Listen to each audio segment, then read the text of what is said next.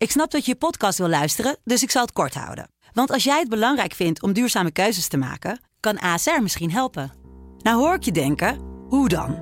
Nou, bijvoorbeeld bij het duurzaam herstellen van schade. Of de premies die we beleggen volgens ons duurzaam beleggingsbeleid. Dat bepaalt waar we wel en juist niet in investeren.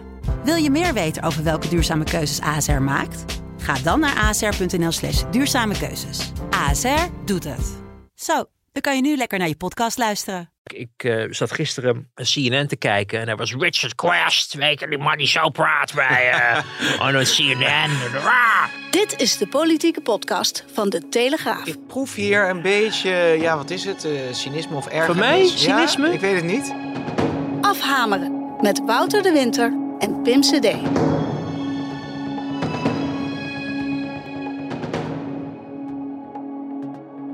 Ja, politiek commentator Wouter de Winter. Daar zitten we dan weer in ons vertrouwde podcast, podcast hok, moet ik zeggen. Hoe gaat het? Ja, uitstekend. Zoals altijd als ik jou zie. Ja, Loog hij.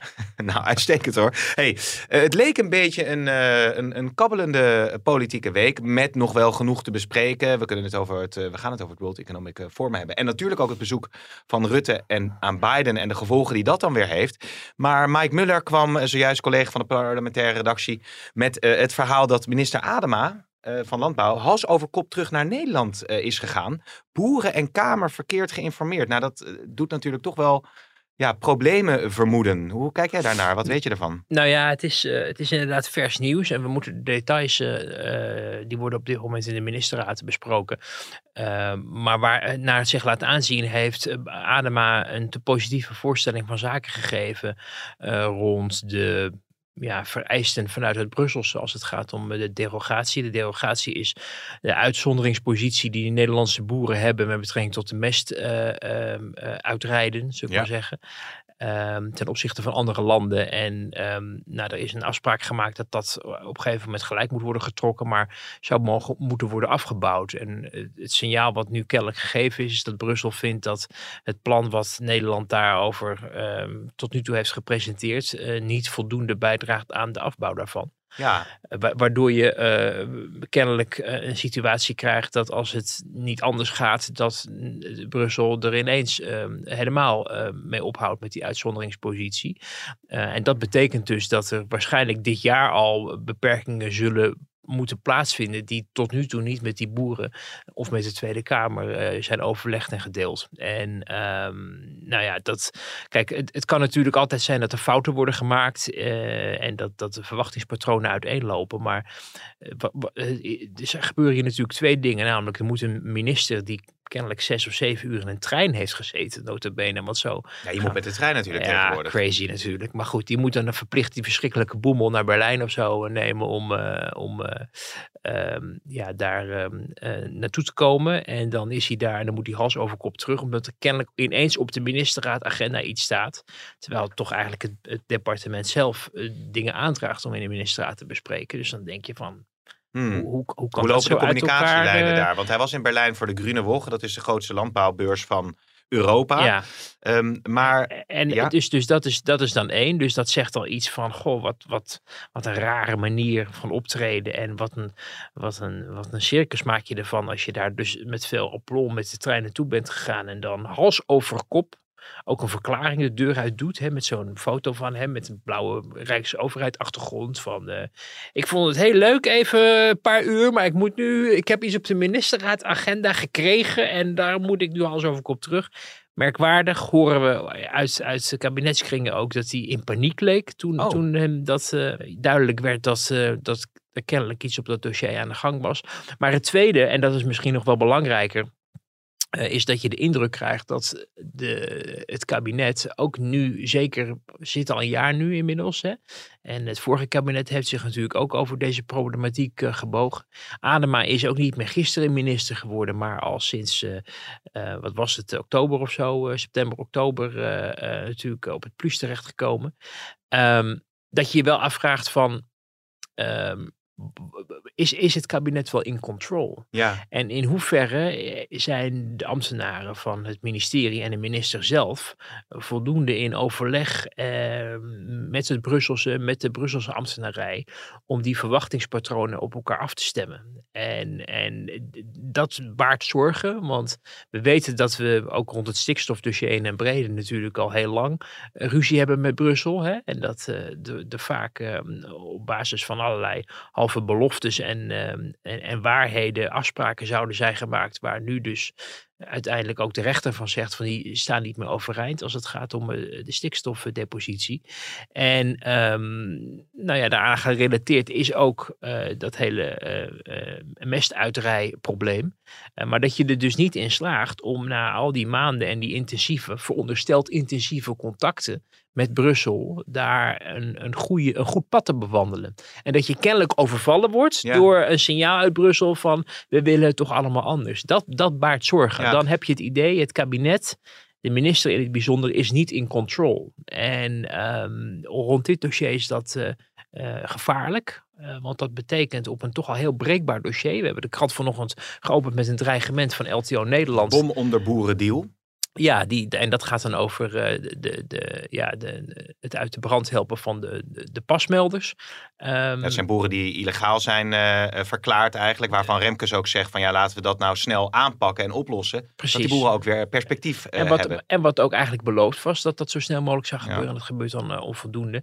Er moet een landbouwakkoord komen om dat hele stikstofdossier sowieso vlot te trekken. En je ziet dus dat eigenlijk nu niet alleen LTO, maar nu ook weer met deze eh, situatie vanuit de, de derogatie en de eisen vanuit Brussel, er, er weer heel erg veel druk op dat dossier Ja. komt te staan. Wat een heel belangrijk dossier is sowieso voor het kabinet. Hè. Het raakt gelijk het hart van het kabinetsbeleid op het moment dat ze op dit dossier de boel in de soep loopt. Maar ik heb een column eh, van jou eh, gelezen hierover. We hebben het er in Afhameren ook uitgebreid over gehad. Maanden terug al van nou, let op.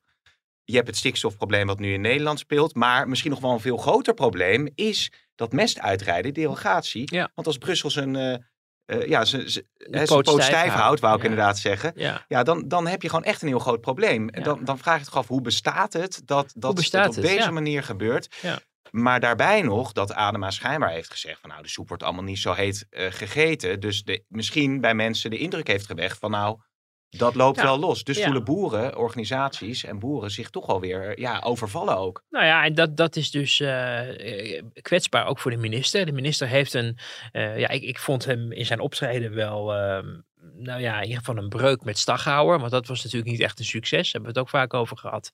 Eh, nou, die is van het toneel verdwenen omdat hij zelf zelfs, zelf, zelfs niet zichzelf geschikt vond voor, voor zijn baan. Nou, Ja, dat is goed Kom er maar eens om, Eh, eh, ja, ja, Kom er maar eens om in, in, eh, in, in Den Haag.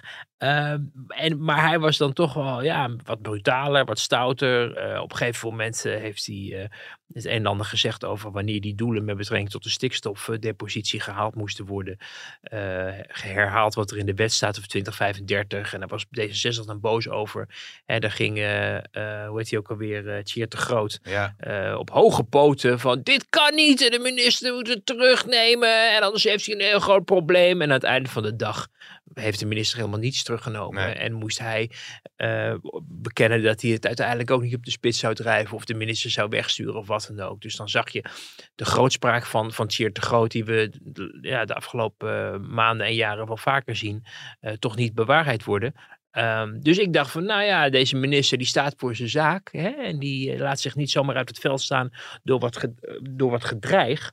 Ehm, tegelijkertijd eh, het naar de mond praten van boeren en de boel een beetje. ehm, eh, je, je, het is een hele in- ingewikkelde eh, balans die je moet zoeken, namelijk door het vertrouwen te winnen. Ja. En samen met de boeren ehm, hier uitkomen. En tegelijkertijd wel de opdracht die je vanuit het regeerakkoord hebt, waar je fractie ook de handtekening onder heeft gezet.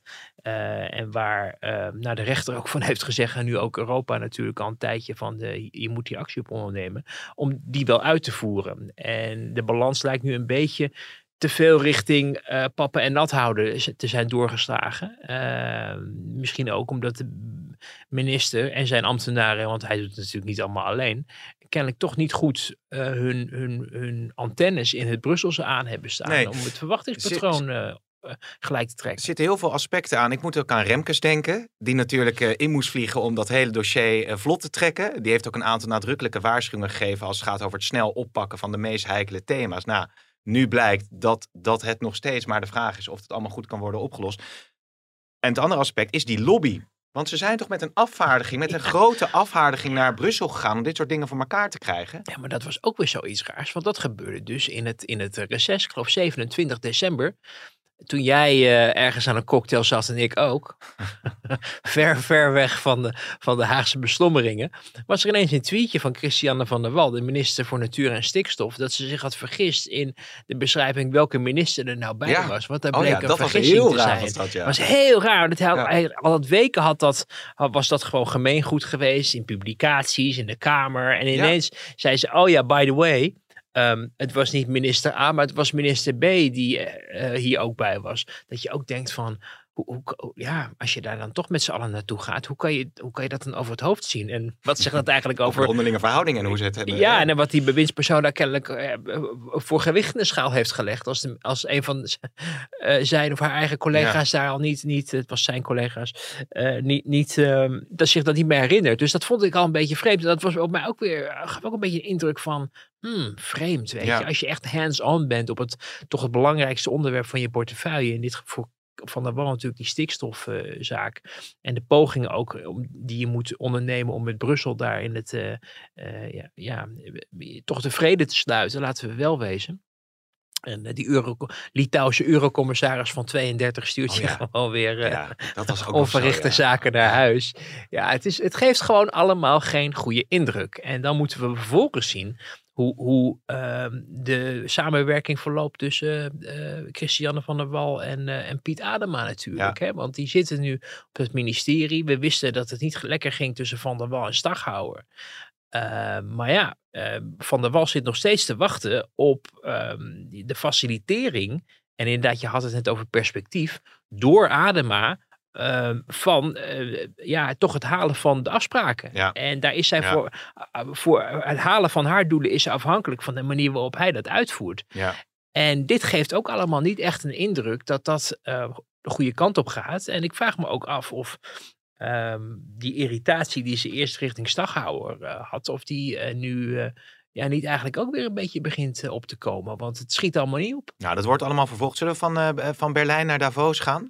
Van de Woche Is ook- naar het ook het- World het- Economic Forum? Treinreis van een uurtje of zes, zeven, Ja, denk ik. precies, ja. Nou, dan kun je ook met het vliegtuig, hè? Schijnt. Dat, Schijnt dat zo schijnt te kunnen. Ja. Ehm, eh, eh, fascinerend. Eh, we kunnen even luisteren naar eh, de zienswijze van eh, Rutte en van Thierry Baudet. Hier gebeurt het echt. Dus je hebt natuurlijk de main stage waar de politiek leiders hun verhaal houden. Maar hier bijvoorbeeld in deze kamer, daar zitten de delegaties, dus ambtenarij, maar ook van bedrijven enzovoorts, te praten over hoe ze die SDG's, die totalitaire duurzame doelen voor de agenda 2030 gaan implementeren. En dus hier, dit is waar de echte invloed van het WEF waar die plaatsvindt. Kijk even mee. Eh, dat daar panels zijn om te praten over belangrijke ontwikkelingen. Zoals bijvoorbeeld Oekraïne. Morgenochtend wordt gelivestreamd. Hoe blijven wij Oekraïne steunen in de strijd eh, tegen Rusland? Maar het is ook een mogelijkheid om heel veel, bijvoorbeeld politici, premier Tunesië, president Irak over migratie, president Moldavië over de situatie in de regio daar. eh, maar ook veel anderen, maar ook bedrijven. Bijvoorbeeld Total en Vattenfall over de energietransitie. Intel en Qualcomm over chips en de toekomst van Semicon. Eh, en ook heel veel andere bedrijven te spreken. Er zijn ook heel veel journalisten, wetenschappers. Eh, je doet heel veel ideeën op. Er worden geen besluiten genomen. Ik ben hier met een grote kabinetsdelegatie. Ja, en zo gaat het geluid van Rutte langzaam naar beneden. Rutte probeert gewoon uit, of probeert uit te leggen wat er allemaal gebeurt en wie die allemaal spreekt. Ik moest wel erg, ja, ik heb ook wel een beetje gesmuld van Baudet, moet ik zeggen. Van die, van die Instagram filmpjes. Had er ook één op zijn kop, had hij? Ja, ik heb ze niet- ik heb heel ze- geestig. Niet, Maar niet hij, stond, hij stond echt zo van, oké, weet je, ik ben hier nu en hier is dus, ja. hier wordt het allemaal bekokstoofd. Ja, nou ja, dus eh, en toen ging je vervolgens ergens een zaal in waar niemand hem tegenhield en waar hij gewoon naar binnen kon Hij mocht lopen. gewoon naar binnen lopen. Dat je ook denkt van ja, weet je, maar goed. Ik weet niet of we de, of we de, de, de, de, de complottheorie van Baudet nou weer opnieuw. eh, Hij bedient zijn achterban. Ja, dat is wat hij doet. Ja. En eh, ik vond het op zich wel grappig dat hij er dan ook naartoe gaat als hij er altijd zo'n grote mond eh, over heeft. Of nou overtuigend is aangetoond dat, dat het kwaad eh, in Davos eh, plaatsvindt, eh, weet ik niet. Maar Nee. goed, ik zag hem de dag daarna weer in de Tweede Kamer rondlopen en in geuren en kleuren aan een paar NOS'ers vertellen over ja, wat hij kennelijk daar had meegemaakt of zo. Ja. Ehm, maar het, is, het, was, het was een publiciteitsstuntje. Ik moet zelf altijd wel lachen dat op het moment dat, dat weet je nog van vorig jaar, dat Rutte en de Kaag bij hem langs gingen. Maar die hi- hilarische beelden kwam, kwamen van Kaag die als een soort versteende, Ja. versteende vrouw daar in die kamer stond. Terwijl eh, ze daar... eh, Die dacht, wat doe ik hier? wat doe ik, hier? Ja, dat straalde ze ook uit. Dat vond ze ook echt. zei ze ook achteraf, herkende ze dat ook gewoon. En dat, dat Rutte dan met zijn, met zijn World Economic Forum tasje, wat hij kennelijk vijf jaar geleden een keer op de kop heeft getikt. En nog steeds als een soort studententas bij zich draagt. Elke keer als hij ergens naartoe gaat voor een bespreking of zo. Eh dit eigenlijk min of meer eh, ja, werd aangespoord ook door zijn Amsterdam om dat mee te nemen. Ja. En aan Thierry Baudet cadeau te doen. Ja. het weftasje. Dus misschien is er nu een nieuw exemplaar eh, ge- geregeld. Maar, maar goed, weet je, we, de, de, de, we hebben natuurlijk ehm, wel vaker gehad over de wenselijkheid van dat soort conferenties allemaal. En dat er allemaal zoveel mensen naartoe gaan. Ik vind het op zich niet zo vreemd dat de minister-president, de minister van Financiën die kant op gaan. Eh, wat mij betreft ook, eh, of de minister voor Buitenlandse Handel, maar ze waren nu geloof ik met z'n zevenen. je blijft je toch wel afvragen, al dat gereis, al, dat, al die eh, visites. Hè, ik zag de staatssecretaris van Infrastructuur was er ook. Een Mhm. hele heel, Oh, heel serieus? ingezonden stuk in de trouw over geschreven. Waarom het zo belangrijk was dat ze daar was. Maar goed, we zien haar de hele tijd de hele wereld rondreizen. Want elke keer als ik met de koning op staatsbezoek eh, eh, v- verslag kan doen. eh, of met Maxima toen in San Francisco, dan was zij er ook. Ja. ik denk, Ja. haar, en in de tussenrijden de treinen niet in Nederland. Dat is dan weer een detail. Eh, Dat is een kwetsbaarheid ook, hè, eigenlijk. Want je maakt jezelf wel kwetsbaar natuurlijk. nou ja, het is, het is gewoon een beetje, het wordt gewoon een beetje te gek. Weet je, op een gegeven moment zag je ze met een of andere klimaatconferentie met z'n tweeën naast elkaar zitten, Jette en eh, Viviane Heijnen, voor een klimaatconferentie in Bali. Dat je denkt, hmm, ik weet wel iets wat, wat al scheelt, zeg maar. Je kan zeggen, ja, het vliegtuig gaat toch, maar volgens mij was het niet, gingen ze gewoon met de, met de KLM of zo. Maar weet je, het zijn van die dingen dat je afvraagt van, ja, ehm, natuurlijk moet het Nederlandse eh, belang voorop staan. Ehm, maar je spreekt ook wel eens bewindspersonen of oud-bewindspersonen die ehm, eh, nou ja, bijvoorbeeld wel toegeven dat het ook wel heel leuk is dat je af en toe lekker op reis kan. Hè?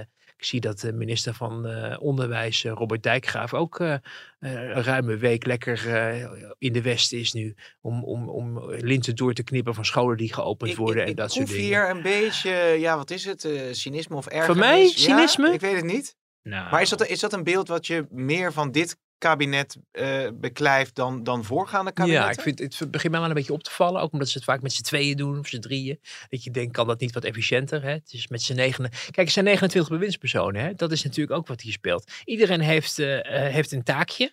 En is allemaal uitgeknipt van, jij maar gaat hierover. Jij gaat over digitalisering. Dan hè? Het is niet zo dat je dat Rob Jet een inlegvel van, de, van het ministerie van Infrastructuur kennelijk meekrijgt om voor te lezen tijdens die top in Bali. Nee, de staatssecretaris zelf moet het doen.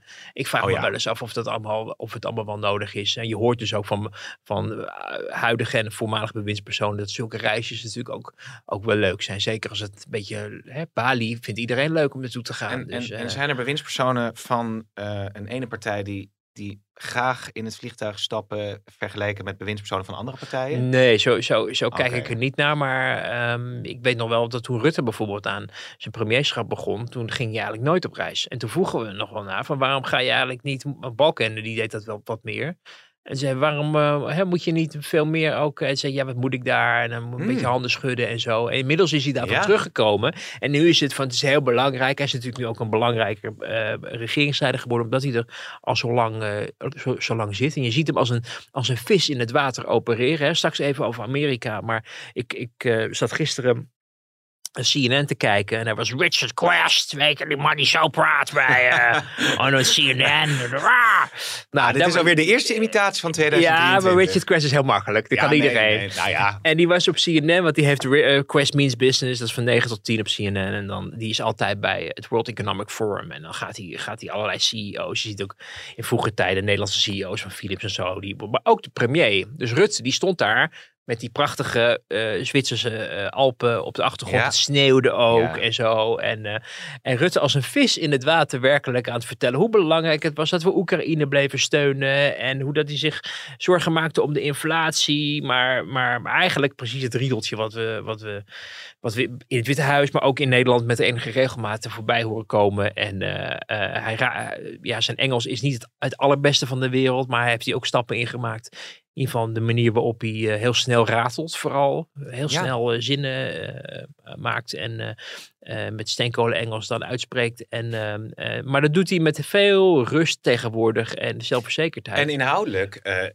breng je hem ook niet uit balans. Wat in Nederland natuurlijk al moeilijk is, hè, is gelukt bij CNN ook nou niet bepaald. Op een gegeven moment ging het dan, maar dan gaan we toch even over Amerika hebben, Mhm. over de steun aan eh, Oekraïne. ja, En de hoeveelheid die dan bijgedragen wordt door Nederland ten opzichte Ja. van Amerika. En hij, hij pakte meteen eh, de bal, zeg maar. En, en de leiding in nou ja en, maar, maar dat riedeltje hè, van, van eh, eh, dat had hij bij Quest had hij dat, maar hij had dat de dag daarvoor bij Jake Tapper, twee dagen daarvoor.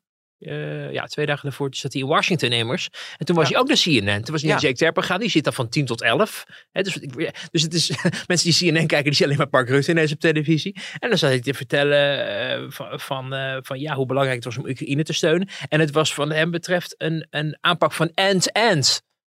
End-end, Ja. denk je dan. Dat je van einde-einde. Nee, maar het is een en-en aanpak. Oh, end, Hè? end. Namelijk, we moeten en voor de, Nederland, voor de Nederlanders zorgen. We moeten en, en voor de Nederlandse, eh, zodat mensen hier voldoende hebben om van te leven. En, Ja. en de energieprijzen kunnen betalen. Maar tegelijkertijd Oekraïne blijven zo. En hij noemde dat bij Jack Tapper de end-end Nou ja. aanpak. En ik dacht, ik zag die Amerikaan kijken. Ik denk, waar heeft die kerel het over? Maar dat was de Nederlandse premier, eh ladies Ja. and gentlemen. Eh, maar, maar ook dat ging, ehm, hij, hij, hij, hij vertaalt eigenlijk, eigenlijk zijn riedeltje één op één in het Engels. En dan krijg je, Ja, ik, ik, ik, ik vond daar, wat ik daar opmerkelijk aan vond, is dat hij ook heel erg zegt van nou, in Nederlands, dat, die indruk wekt hij. Nou, kijk, we geven heel veel geld aan eh, Oekraïne en aan de oorlog in Oekraïne, maar, en we moeten natuurlijk ook denken aan ons eigen belang in Nederland, maar de Nederlanders, dat straalt hij zo een beetje uit, die zijn er echt al van doordrongen dat wij ook Oekraïne moeten steunen voor onze eigen veiligheid. Hij wekt een beetje het gevoel alsof de Nederlandse samenleving een soort coherent geheel vormt ja. in het steunen van die oorlog. Toen dacht ik, ja, dat, is dat zo als hij dat schetst? Dat heeft het kabinet besloten. Eigenlijk vanaf moment af aan. Hè? Op het moment dat die inval er was. En je eh, zag je ook in die, in, die, in die geforceerde terugblikken van de coalitiefractievoorzitters. In die slaapverwekkende interviews aan het eind van het jaar. Namelijk dat ineens ging de telefoon om half zes 's ochtends in februari. Het is oorlog. En, en nou, hè, Spannend. dat je dacht, nou, Oh. ik, hè, nee, ik had zelf zoiets van, nou, het is natuurlijk, het, heeft, het zet de boel op zijn kop. En het, het betekent politiek ook een heleboel aanpassingsvermogen. Maar eh, ik herinner mij van dat moment niet een algeheel eh, eh, paniekmoment of zo. Ook niet op dat moment in Den Haag. Het, we zagen het een beetje aankomen. Ze waren toen aan het oefenen zogenaamd hè, Ja. aan die grens. En eh, nou ja, de intelligence zei van, ze zijn het niet van plan. eh, behalve de Amerikanen en ik geloof de Fransen of de Engelsen. Er waren twee intelligence services die het wel, eh, die het wel hadden zien aankomen. Ehm, maar iedereen hield er in zijn gedachten al een beetje rekening mee. Ehm, en ehm, het, het kabinet heeft zich toen voorgenomen van oké, dit is een oorlog die niet alleen maar gaat over eh, Oekraïne, maar in, in, ja, alles in zich heeft om uiteindelijk de, de, de, de vredesbalans in Europa verder te verstoren. Omdat die niet zal stoppen bij Oekraïne, maar ook andere landen eh, wellicht erbij zou trekken. En daarbij hè, je hebt natuurlijk vaak Moldavië, daar, daar ging Rutte en Hoekstra ineens ook heel veel naartoe. Dat is, dat is het als volgende aan de beurt, wordt dan verondersteld. Maar de de echte kritieke punt is natuurlijk de Baltische Staten. Want Ja. dat is onderdeel van de Europese Unie eh, en van de NAVO. En dat, dat, ja, dat houdt men vooral er- erg in het achterhoofd. Dus men heeft een soort beslissing genomen van oké, dit is iets wat eh, nou ja, eh, eh, een existentieel gevaar is voor de vrede in Europa, ook van de Europese Unie, uiteindelijk van de westerse wereld. En daardoor gaan wij daar alles bij inzetten en toepassen om die Oekraïners te steunen. Waarbij nooit go- goed is nagedacht, wordt ook gewoon erkend hè, door ministers, door Rutte ook in, het, in het kerstinterview met ons van dat de, de impact die dat vervolgens zou hebben op de samenleving, dat de energieprijzen omhoog zouden gaan. Eh, iedereen dacht er wel een beetje, maar dat inflatie van, wat was het? Ja, In 15% september of zo. 15 procent. Ik kreeg laatst ook weer zo'n rekening van zo'n van zo'n energie. Ja, ik heb dan een warmtepomp en die huur je dan. En dan ehm, krijg je een inflatiecorrectie van 14,56 procent. Want dat wordt gebaseerd op het toevallige prijspeil uit eh, september. Ja, ja, Toen het net sky high ging. Dat je denkt, wie heeft, krijgt ooit in zijn leven een, eh, lo- een loonsverhoging van 14,56 procent. Maar goed, Wij eh, niet. nee, wij niet. Maar dat was dus, dat was dus zeg maar een, ja, even een zijstap. Maar dat gaf, gaf aan dat men toen in de was, in februari eigenlijk helemaal niet heeft of heeft kunnen rekening houden met het feit dat eh, de impact was die veel groter zou zijn dan een soort morele eh, steunverplichting richting eh, de vrijheid. Hè? Nog even los van het feit dat Oekraïne ook voor dit, dat dit allemaal begon helemaal niet het, het democratische en rechtsstatelijke paradijs was wat je er Nee. tegenwoordig van gemaakt ziet worden. Eh, maar goed, eh, het was een overtuiging om, om, eh, om die boel te steunen. En, en dat is eigenlijk nog steeds de strategie. Namelijk, eh, eh, Poetin moet deze oorlog verliezen en Oekraïne moet winnen. En daar wordt alles tegen aangesmeten nu. Oh, zijn nu ook met, met tanks natuurlijk bezig. Leopard 2 tanks, hè? Eh, en, en dat je langzamerhand je wel begint af te vragen van oké, maar is er ook nog een andere eh, eh, strategie? Of een strategie die misschien iets meer inhoudt dan zeggen we moeten de oorlog winnen? Ja, aan de ene kant kan je dat wel begrijpen. Aan de andere kant, ehm, Nou ja, de, de, de, de munitiedepots raken leeg. Eh, je zag de minister van de Defensie toevallig, vond ik heel opmerkelijk, afgelopen zondag bij Buitenhof ervoor pleiten dat de pensioenfondsen maar weer in, in wapenindustrieën moeten gaan eh, investeren. Wat natuurlijk jarenlang ja. eh, besmet was. Hè? Want dat was toch schandelijk en dat mocht niet. Er stonden mensen te protesteren bij het ABP. Eh, als het niet voor de energie was, dan was het wel voor de wapenindustrie. Want dat, dat moeten we allemaal niet. Terwijl die investeringen natuurlijk, elk bedrijf heeft investeringen nodig. En nou ja, pensioenfondsen hebben ook geld. Dus je ziet dat dat, dus daar zie je iets van een, hey, hier is een, iets van een kentering gaande. Hier is nu ook vanuit kabinetswegen, benen van een D66-minister, die eh, de wapenindustrie niet meer besmet verklaart. Nog wel onder de afspraak dat die wapens dan alleen v- voor de goede mogen worden gemaakt. Ja. Dus je mag ze dan niet leveren aan kwaadaardige regimes. Hè? Dus dat is dan typisch weer de, ja, misschien ook wat, wat Nederlandse aanvliegroute van de, nog wel, ja, met een eh, idealistisch, Moralistisch, eh, wapen, wapens maken of zo. Maar, eh, maar goed, je ziet dat daar wel iets aan het veranderen is. Maar ik ben heel benieuwd of het kabinet er nou ook in slaagt om, eh, nu we zeker ook een jaar verder zijn, ook wat verder te kijken van oké, eh, het doel staat nog steeds vast, maar wat, wat vereist dat nog meer ook van de samenleving en van de industrie en van het kabinet en ook van ja, onze beleidsmakers om daar ja, toch wat meer houvast aan te geven Ja. dan alleen maar te zeggen Poetin moet de oorlog verliezen. Want je ziet nu dat we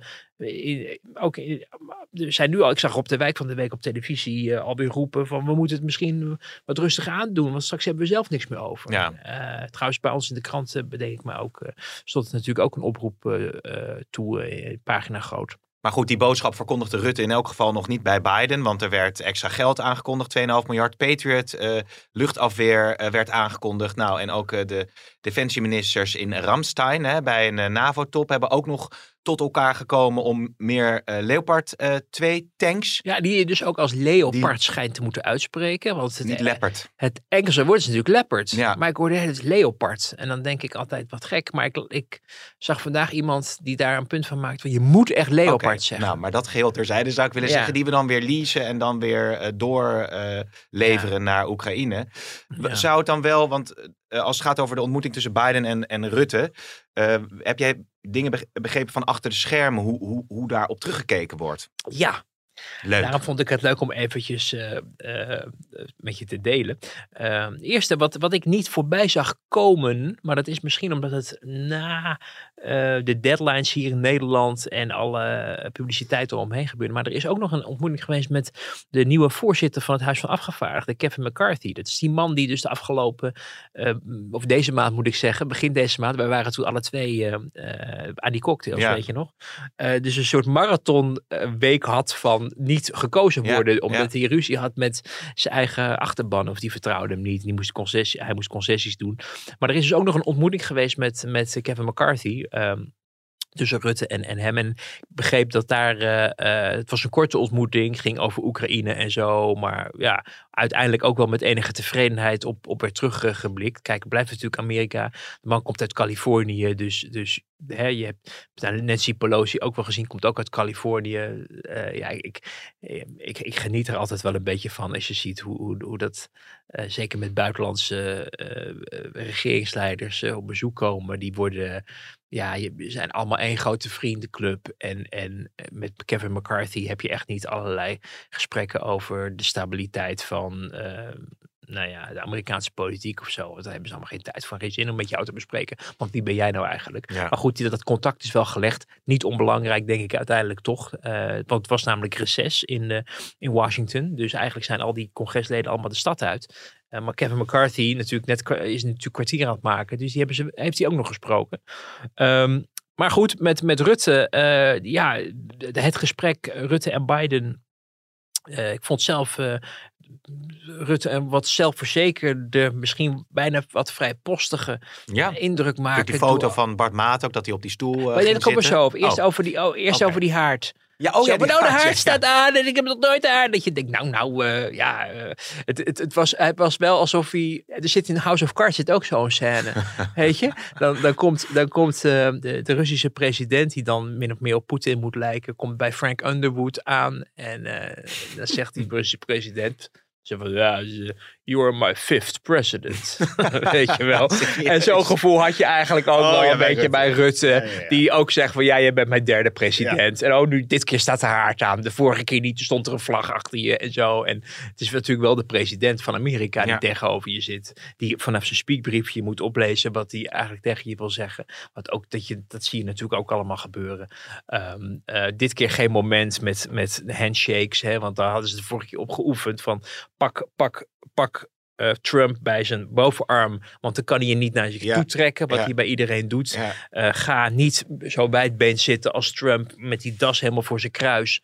Uh, want dat bestaat nergens op. Ja, want Rutte die wordt normaal geleerd van je moet spiegelen. Dus je bent met een, met een collega regeringsleider die stelt zich op een bepaalde manier op. en dan moet je ook zo gaan zitten. Nou, dat zie je sommige van die mensen bij, die bij Trump te gast waren ook doen. Die gingen dan met hun benen heel ver uit elkaar zitten. En een beetje voor overhangen. Je ziet ook heel vaak als ze ergens naar binnen worden geleid in een deur, dat, dat, dat ze elkaar op de, op, de, op de schouder zeg maar naar binnen geleiden. Maar dat moet je zelf ook doen, want als jij dat oh, alleen maar doet, dan ben je minder waar. Ja, dus daar, daar, daar wordt al, altijd over nagedacht. En, dit en dan keer, laten ze waarschijnlijk het filmpje zien van de hoop Scheffer en Balken en hoe je het niet moet doen. Ook dat. En maar Rutte was wat dat betreft wel, wel wat zelfverzekerd, omdat hij had Trump overleefd, dus Biden kon, nee, ja, kon alleen maar meevallen. Uh, maar ze, ze waren wel, ik begreep wel dat ze met tevredenheid terugblikte op het bezoek. Um, het enige wat ik wat kwetsbaar vond, en daar had jij het net al even over, was die foto met, met dat achter bureau. Ja.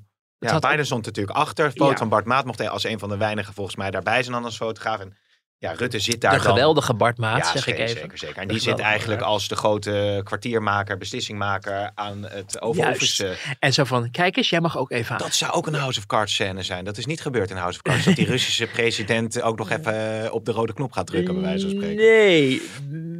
Maar waarom, waarom is dat... Nee, eh, maar wel, wel met sigaren en zo. Maar, uh, in, in de kelder. Maar nee, nee ik begreep dat Biden heeft voorgesteld aan Rutte om uh, om, wil je even, wil je even op de, achter de desk zitten? Nou ja, mhm. dat kan je, uh, dat kan je Rutte natuurlijk niet ontzeggen met zijn, met zijn liefde voor politiek en voor historie. En het is ook een historisch bureau. Volgens mij is het, wat ik ervan kan zien, is het hetzelfde bureau, want het kan nog wel eens verschillen. Hè? Elke president mag zelf zijn richting bepalen. Dit is volgens mij, had Trump dit bureau ook. En uh, was dit het, het uh, bureau. Maar hou me te goede, dames en heren. Misschien dat er experts zijn. Ga je het over Monica Lewinsky hebben? Nee, nee, nee. Oh. nee. Nee, dit is ook met die legendarische foto van John F. Kennedy. Dat de kleine uh, John Kennedy, die inmiddels ook, ik geloof, ski-ongeluk overleden is. aan de voorkant van het bureau zit een luikje. En dan kan je doorheen kijken. En er is een hele leuke foto van de president achter zijn John F. Kennedy achter het oh. bureau. En dan die kleine, dat kind van hem, die toen vijf was of zo, gewoon dat deurtje open doet. Die koekoek. Oh. Ken je niet? Nou, Nee, en, ga en volgens, mij is het dat, volgens mij het dat bureau, een bureau wat, wat want Bush had, Reagan, iedereen kan eigenlijk een ander bureau uh, daar neerzetten. Uh, maar goed, dit was de desk. Rutte mocht daar achter gaan zitten. En pak dus iets van een telefoon en, ja. en dat klik. En nou, het stond ja. bij ons op de voorpagina, ik zag het bij Volkskrant, hartstikke leuk. Maar ook in regeringskringen begreep ik, werd ook wel gezegd, je kan het inderdaad ook op een andere manier bekijken. Ja. Dit was vooral leuk en ludiek, maar het had ook wel iets van, Hmm.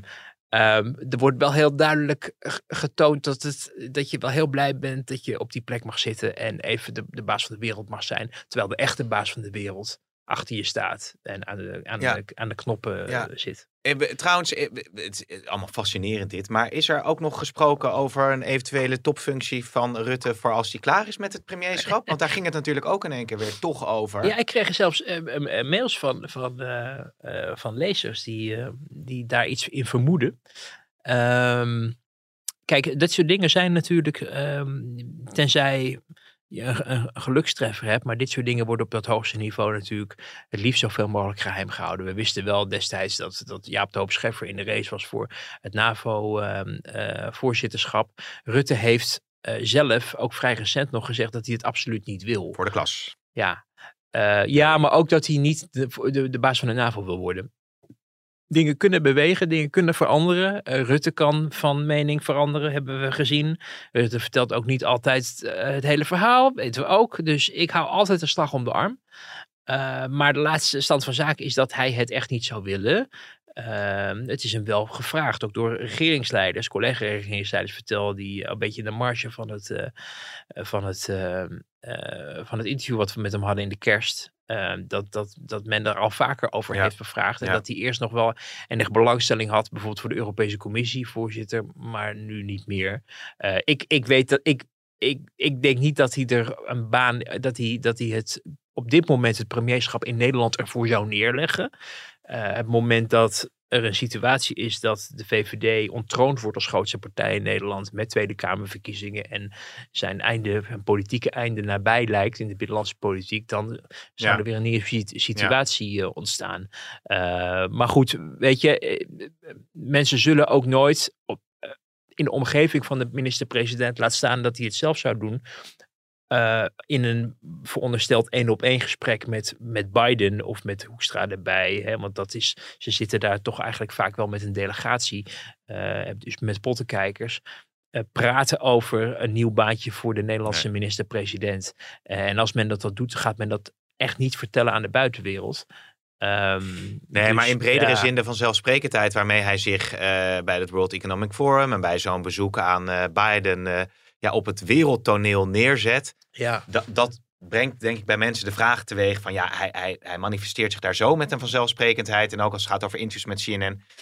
Ik moest nog Mhm. denken aan eh, tot slot, Segers had een soort van eh, Facebook eh, livestream of een soort gesprek met, met de achterban bij zijn vertrek. ja En toen ja. zei hij ook over zichzelf van nou voor mij is dat leven een element, hè, het politieke leven. Ik heb ook mijn gezin en zo, maar hij zei volgens mij over Rutte iets dergelijks als nou die, die leeft echt eh, de politiek. Dat is echt zijn leven. Dus dat, is, dat, dat is denk ik een terechte analyse. Ja, dus dan is het ook alweer een Eh, grote stap om, maar, om dat dan uiteindelijk uit handen misschien te geven voor het onderwijs. Hoewel dat ook een nou ja, het is niet alleen. eh, Ja, hij leeft ervoor, maar het is ook zijn omgeving. Hè? Het is ook zijn sociale. Je hebt ook mensen die, die hun hele leven bij een voetbalclub blijven. Ja, Die dan ehm, daar altijd maar rondhangen. Die, die materiaalman zijn of vrouw. En de thee inschenken in de kleedkamer. Ja, maar weet je, die mensen zijn er echt. En dat is voor, voor Rutte is dat. eh, Is, is de Nederlandse politiek dat ook geworden? De, de omgeving, eh, de collega's, de, de, de mensen die bij AZ werken, eh, de mensen die bij de VVD werken, Ja. zelfs, zelfs ambtenaren ook van andere ministeries, journalisten zelfs. de, de, de amicaliteit, ja, ik vind dat je er altijd, eh, je, moet er, je moet er wel je moet er wel natuurlijk een gezonde afstand van houden. Want Mm. het zijn, we zijn namelijk geen vrienden. En we zijn ook echt geen vrienden. Het is, je komt niet met elkaar op de thee of zo. Eh, ik zie hem nog wel eens op onze verjaardag.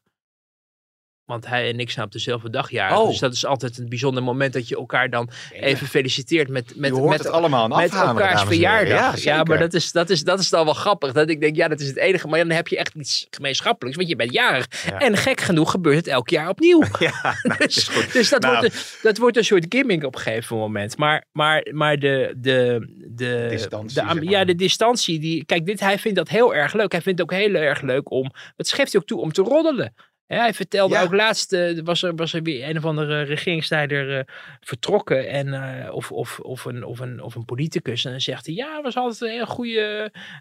en dus was ook altijd leuk om even bij te roddelen en zo. Ja. Dit is zijn leven. Dat heeft Gert-Jan Zegers gelijk in. Dit is zijn leven. Deze omgeving vindt hij eh, ja, is, zijn, zijn dagbesteding. En als je dat van hem afneemt, hij zegt heel stoer van ik ga naar het onderwijs en zo. En ik, eh, en ik wil niet meer op de televisie, want daar heeft hij ook een beetje, die eh, vindt hij vervelend dat altijd overal camera's bij staan en Mhm. zo. Maar ja, dat zal natuurlijk zeker in de eerste jaren ook nog wel het geval Ja. blijven, omdat Ja. hij hier zo lang heeft gezeten. Dat je, ja, dat dat niet meer, niet meer gaat verdwijnen. Nee, we gaan afronden. We gaan het bij een volgende podcast nog hebben over de aardgaswinning en de parlementaire enquête die natuurlijk met eh, 24 februari geloof ik eh, met de bevindingen eh, naar buiten komt. Zeker. Maar het is voor deze eh, vrijdag redelijk rustig is het nog politiek. Maar goed, wie weet wat er volgende week allemaal weer gaat gebeuren. Nou, volgende week vertrekt het koninklijke gezin eh, naar, de, naar de Antillen. Ja, we moeten even de agendas gaan trekken nog. Hoe we Ja. dat allemaal voor onze luisteraars Kijk, goed gaan regelen. even of, het, of er genoeg te melden is vanuit de. Want er gaat natuurlijk volgende week politiek van alles gebeuren. En nou ja, ik ben zelf dus ga verslag doen van, van die trip in Caribisch Nederland of. En, en die eilanden, want dat mag je vooral niet onder één. eh, Je mag Caribisch Nederland. Dat heb ik toevallig gisteren een briefing van eh, staatssecretaris van Ja. Huffelen. Van Koningsrijksrelatie. Want daar hebben we ook iemand expres voor in het kabinet. En die vertelde dat je dus niet eh, Caribisch Nederland. Dat is niet ook Aruba, Curaçao, Sint Maarten. Dat zijn weer landen. Oké. Dus het is het Caribische deel van het Koninkrijk. En we moeten even kijken of, het gaat natuurlijk komende week politiek in een en ander gebeuren. Er is ook een, een eh, debat over eh, eh, de slavernij-excuses bijvoorbeeld. Nou, Hmm. kijk wie zich daar nog gaat Ja. laten gelden. Ehm, dus ik denk dat wij vanaf, wat is het, Kralendijk heet het daar geloof ik. Nou. Misschien nog een po- podcast op locatie doen. Nou, we gaan de luisteraars allemaal op de hoogte houden. Dank voor nu, Wouter.